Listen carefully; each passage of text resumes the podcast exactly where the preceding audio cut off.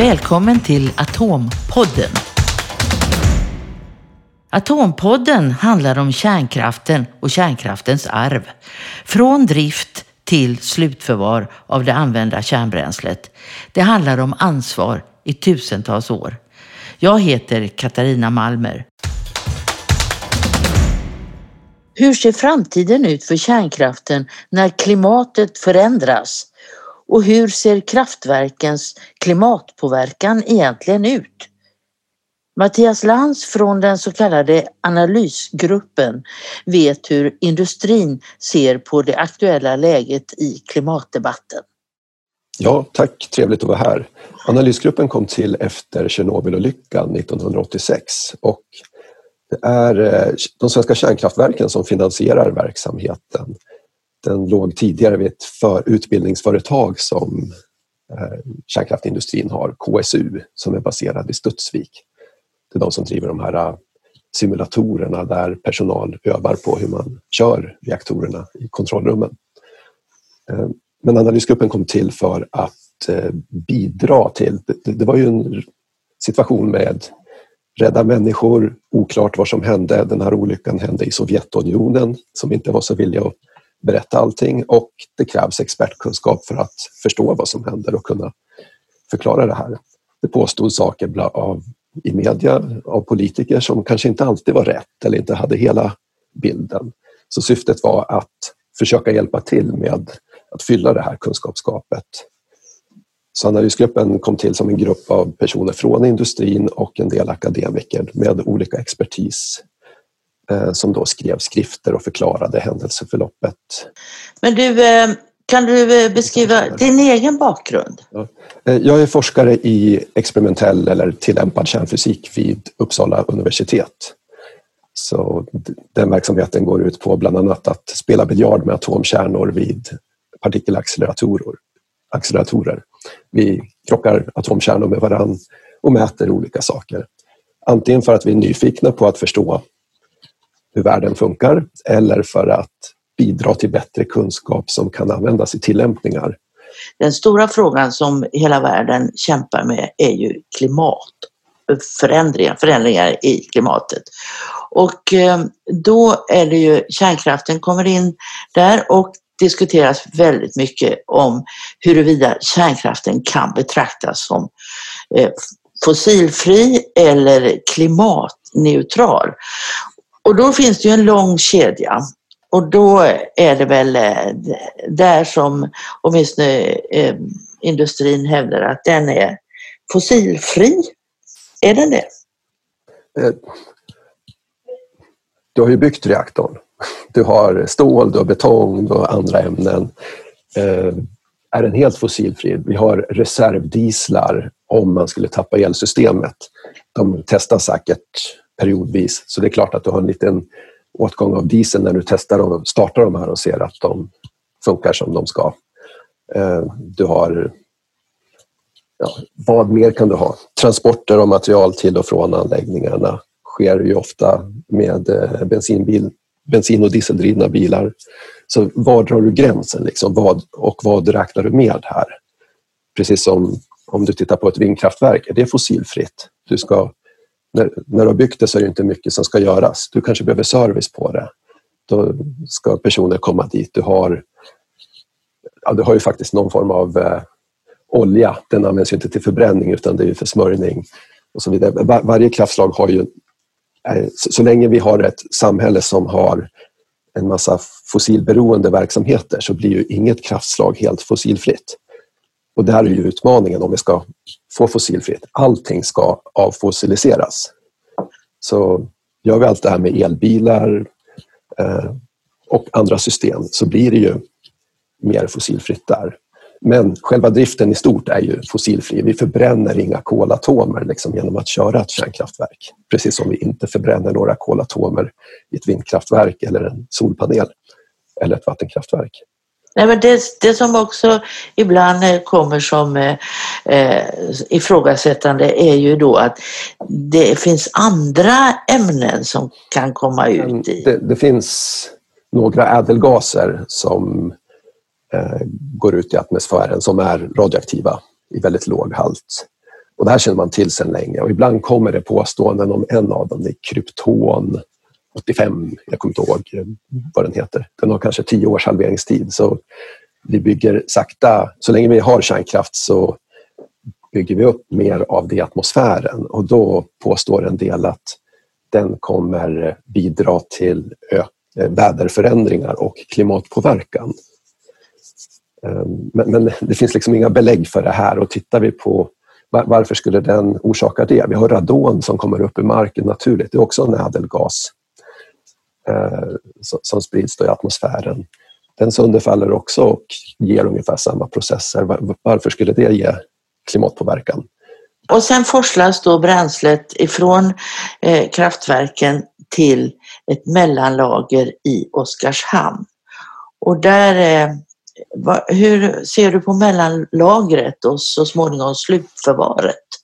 Ja, och det här mellanlagret är två jättestora bassänger 40 meter under marken.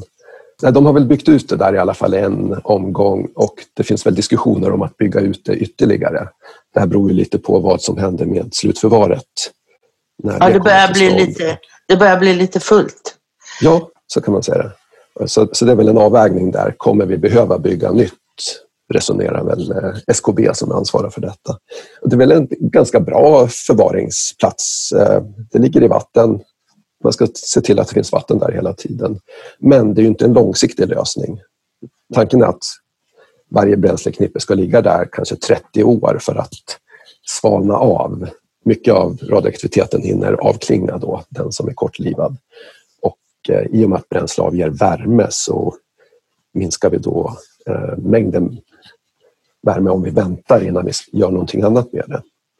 Men sedan behöver vi ta hand om det efter det och den svenska planen är ju det här äh, ett geologiskt slutförvar som är tänkt att ligga i Forsmark på 500 meters djup i berget. En annan plan är ju att det som en del, jag och mina kollegor, en del av det vi forskar på är ju det här som brukar kallas fjärde generationens kärnkraft där man då ser det här inte som ett avfall utan som en resurs att vi kan återanvända den energi som finns kvar i bränslet. Men det kräver en massa andra åtgärder då. Så det finns en del som inte vill att vi ska ha ett slutförvar. Personligen kan jag tycka att det, det är klokt att ha ett förvar. Eh, och det är ganska stora mängder energi tillgänglig i det här bränslet om vi skulle vilja använda det. Så då, ja, vi kommer behöva någon form av förvar hur som helst. För om man säger att om man ska börja återanvända eh, avfallet då kräver det ju också en typ av upparbetning. Eh, det är sant, ja. Och det kanske inte är så miljövänligt i sig. Å andra sidan eh, vi har tagit upp bränslet så är det bättre att vi eh, om vi kan återanvända det vi redan har tagit upp, ja det finns en viss miljökostnad där. Men att jämföra det med eh, mer gruvbrytning till exempel. Så det är en avvägning mellan olika miljöaspekter. Då. Om vi då tittar på klimatet så är ju uppvärmningen det, den stora frågan och det stora bekymret. När vattnet blir varmare och haven stiger, när eh, eh, vattennivån stiger. Man kan ju se nu, det är ju vissa svenska städer som förbereder sig för att det kan komma in vatten, det ska byggas vallar, det ska byggas murar. Om man då tittar på vad händer med kraftverken som ofta ligger nära vatten. Jag kan ju se bara här på eh, Ringhals ligger ju alldeles ute vid vattnet eftersom de använder även havsvatten i systemet. Och det är väl andra som gör det också. Och vatten i Oskarshamn. Och, om havet stiger och blir varmare, vad händer då med kraftverken?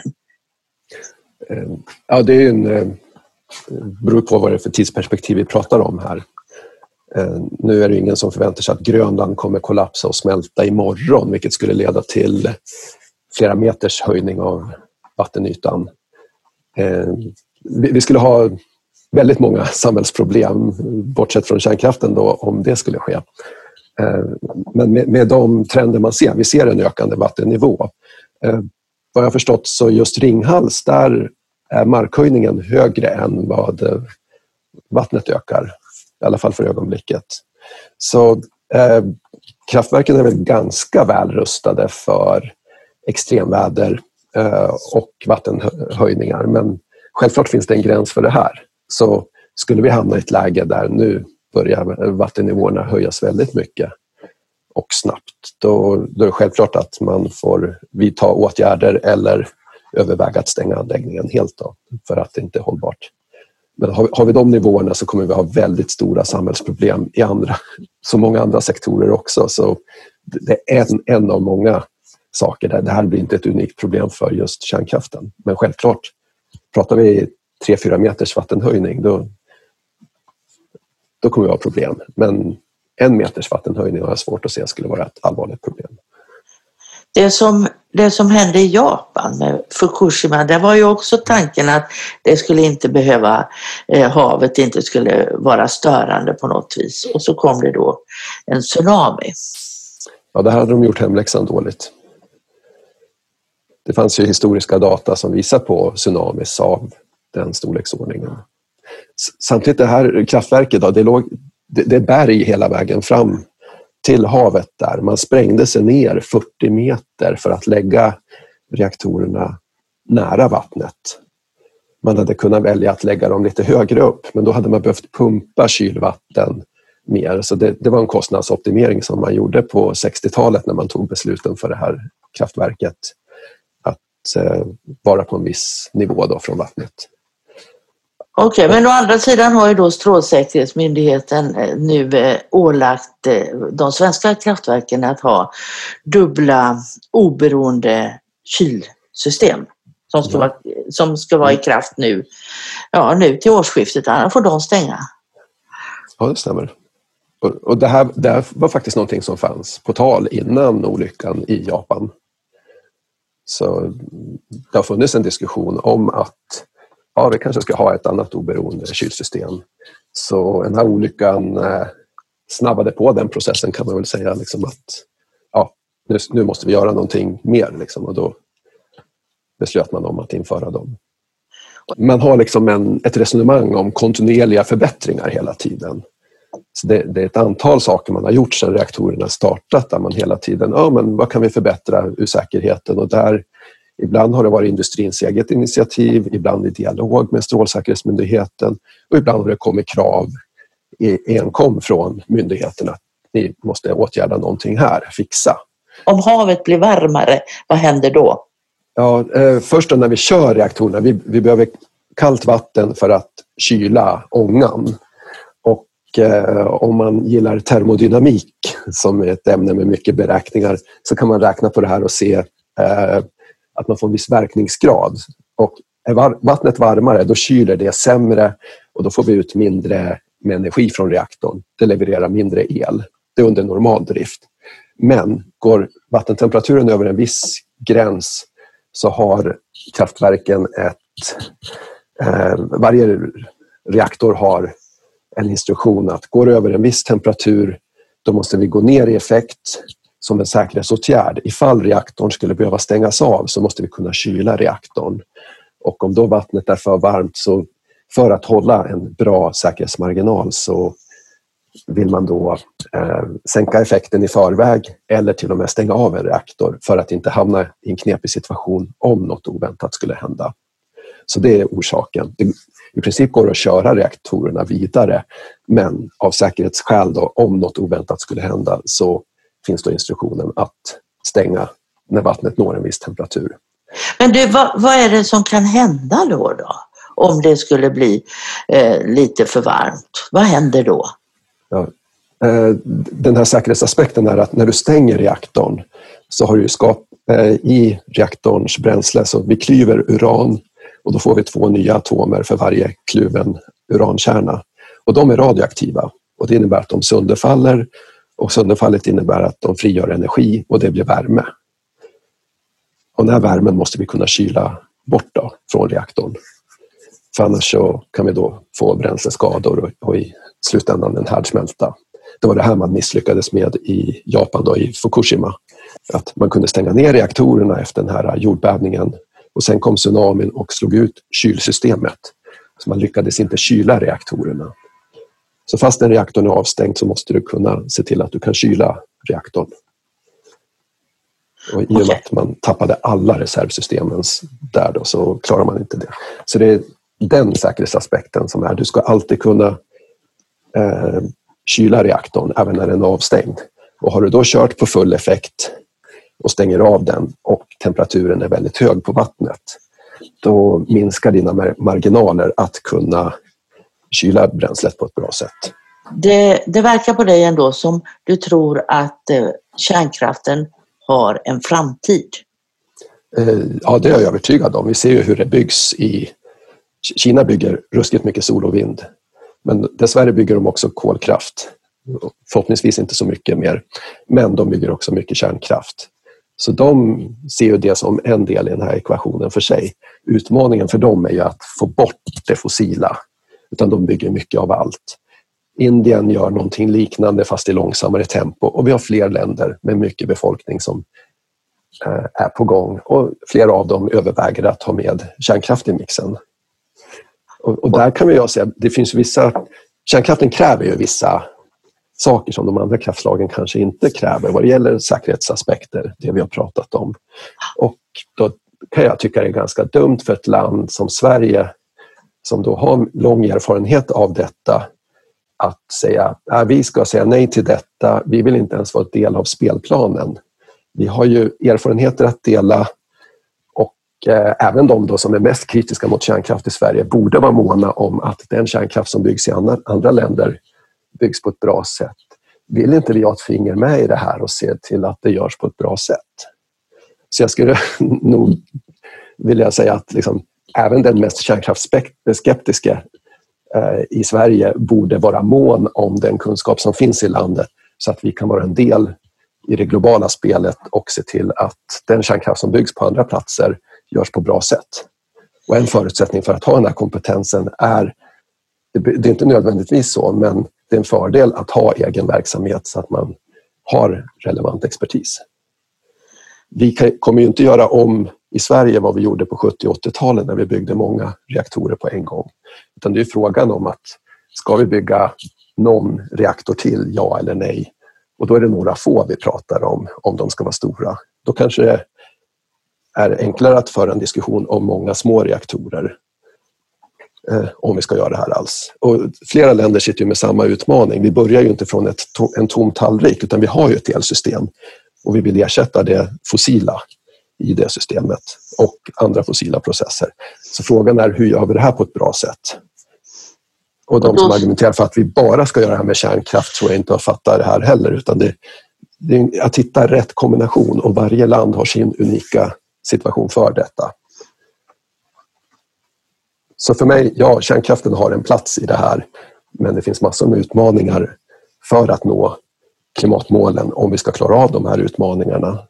Och det blir inte enklare om vi utesluter ett av de koldioxidsnåla alternativen.